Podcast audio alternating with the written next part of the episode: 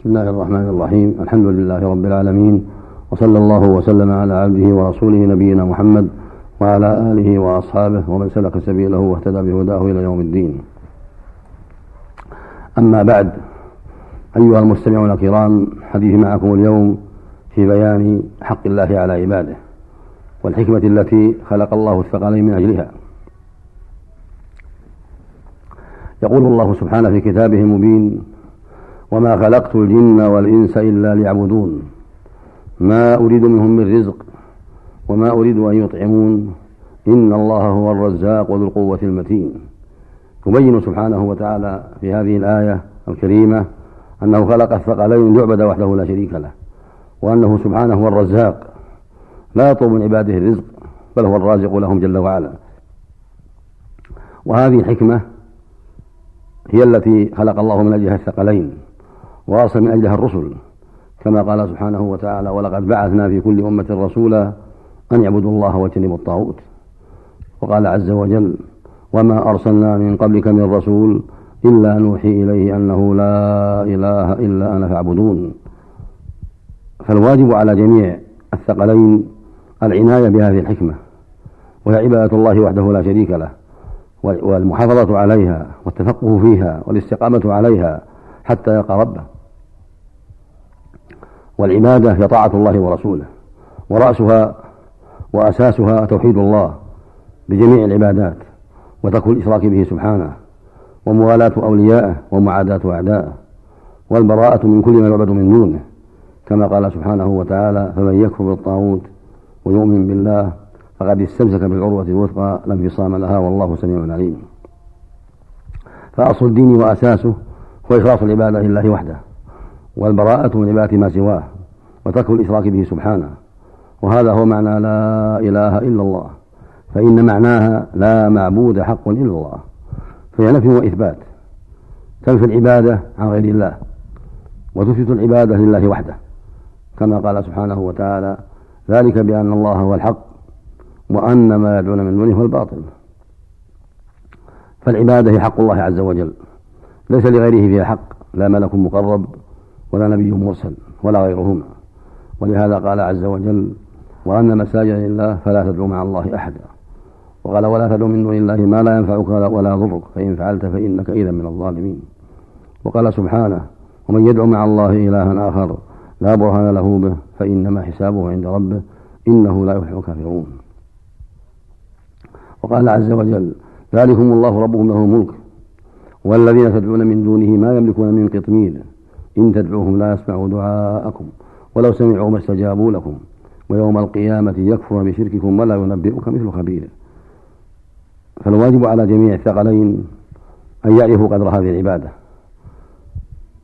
وأن يتبصروا فيها وأن يخصوا الله بها سبحانه وتعالى دون كل ما سواه وهذا هو الأمر العظيم الذي أمروا به وخلقوا من أجله كما قال في هذه الآية سبحانه وما خلقت الجن والإنس إلا ليعبدون وقال جل وعلا وما أمروا إلا ليعبدوا الله مخلصين له الدين حنفاء ويقيموا الصلاة ويؤتوا الزكاة وذلك الدين القيم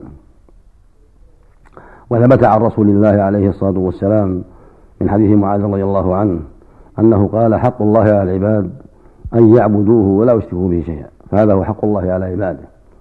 وهو الأمر الذي خلقهم من أجله وأرسل به الرسل وأنزل به الكتب. وقد أضاعه الأكثرون. وعبدوا مع الله غيره من الأشجار والأحجار والأنبياء والأولياء والكواكب والجن وغير ذلك. وهذا هو الضلال البعيد والشرك الوخيم. قال الله سبحانه وتعالى إن الشرك لظلم عظيم. قال عز وجل إنه من يشرك بالله فقد حرم الله عليه الجنة ومأواه النار وما للظالمين من أنصار. قال سبحانه وتعالى إن الله لا يغفر أن يشرك به ويغفر ما دون ذلك من يشاء. فبين سبحانه وتعالى أن الشرك لا يغفر. وأما ما دونه من المعاصي فهو تحت مشيئة الله عز وجل.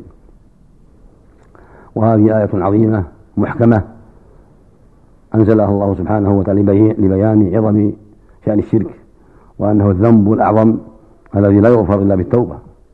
ولهذا قال عز وجل في هذه الآية إن الله لا يغفر أن يشرك به ويغفر ما دون ذلك من يشاء.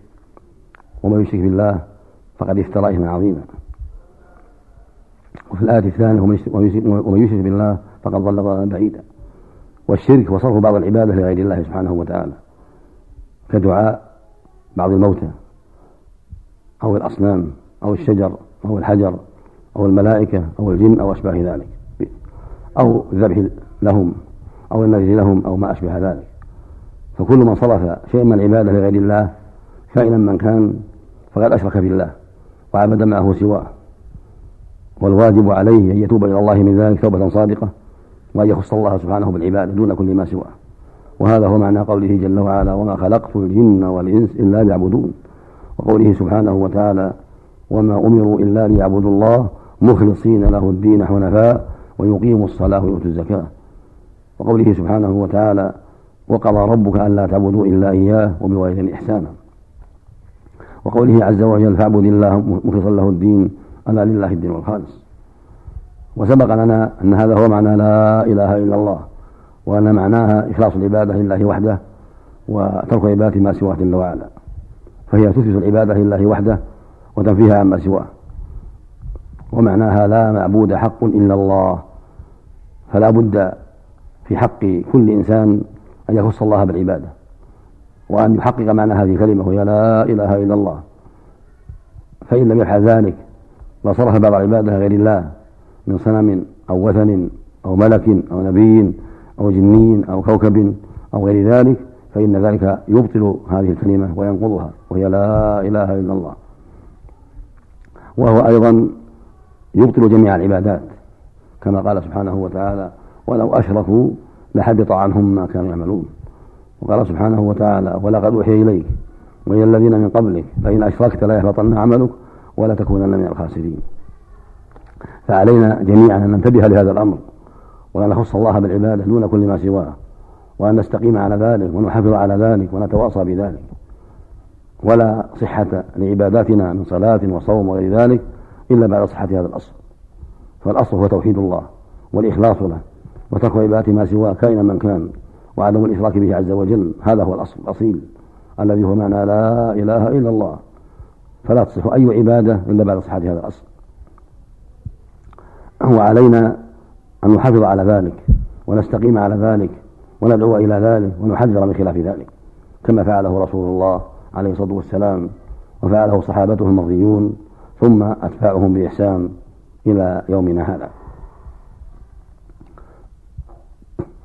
ومن أهم المهمات الحذر أيضا من الوسائل والذرائع التي توصل إلى إلى هذا الشرك. مثل بناء المساجد على القبور واتخاذ القباب عليها وفرشها وتطييبها فإن هذا من وسائل الشرك.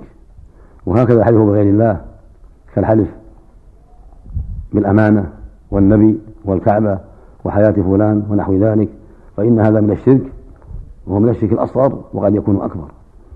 وهو من وسائل الشرك الأكبر الذي هو التعلق على غير الله وعبادة غير الله سبحانه وتعالى.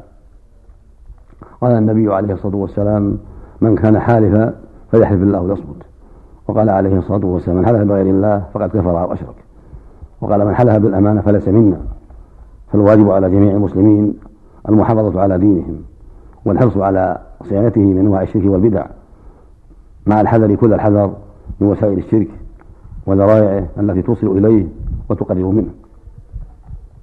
والله المسؤول عز وجل أن يوفقنا والمسلمين لما فيه رضاه وأن يحفظ علينا ديننا جميعا وأن يمن علينا بالفقه في دينه والثبات عليه والسلامة من جميع ما يغضبه من الشرك وما دونه. إنه جواد كريم وصلى الله وسلم على نبينا محمد وعلى آله وأصحابه.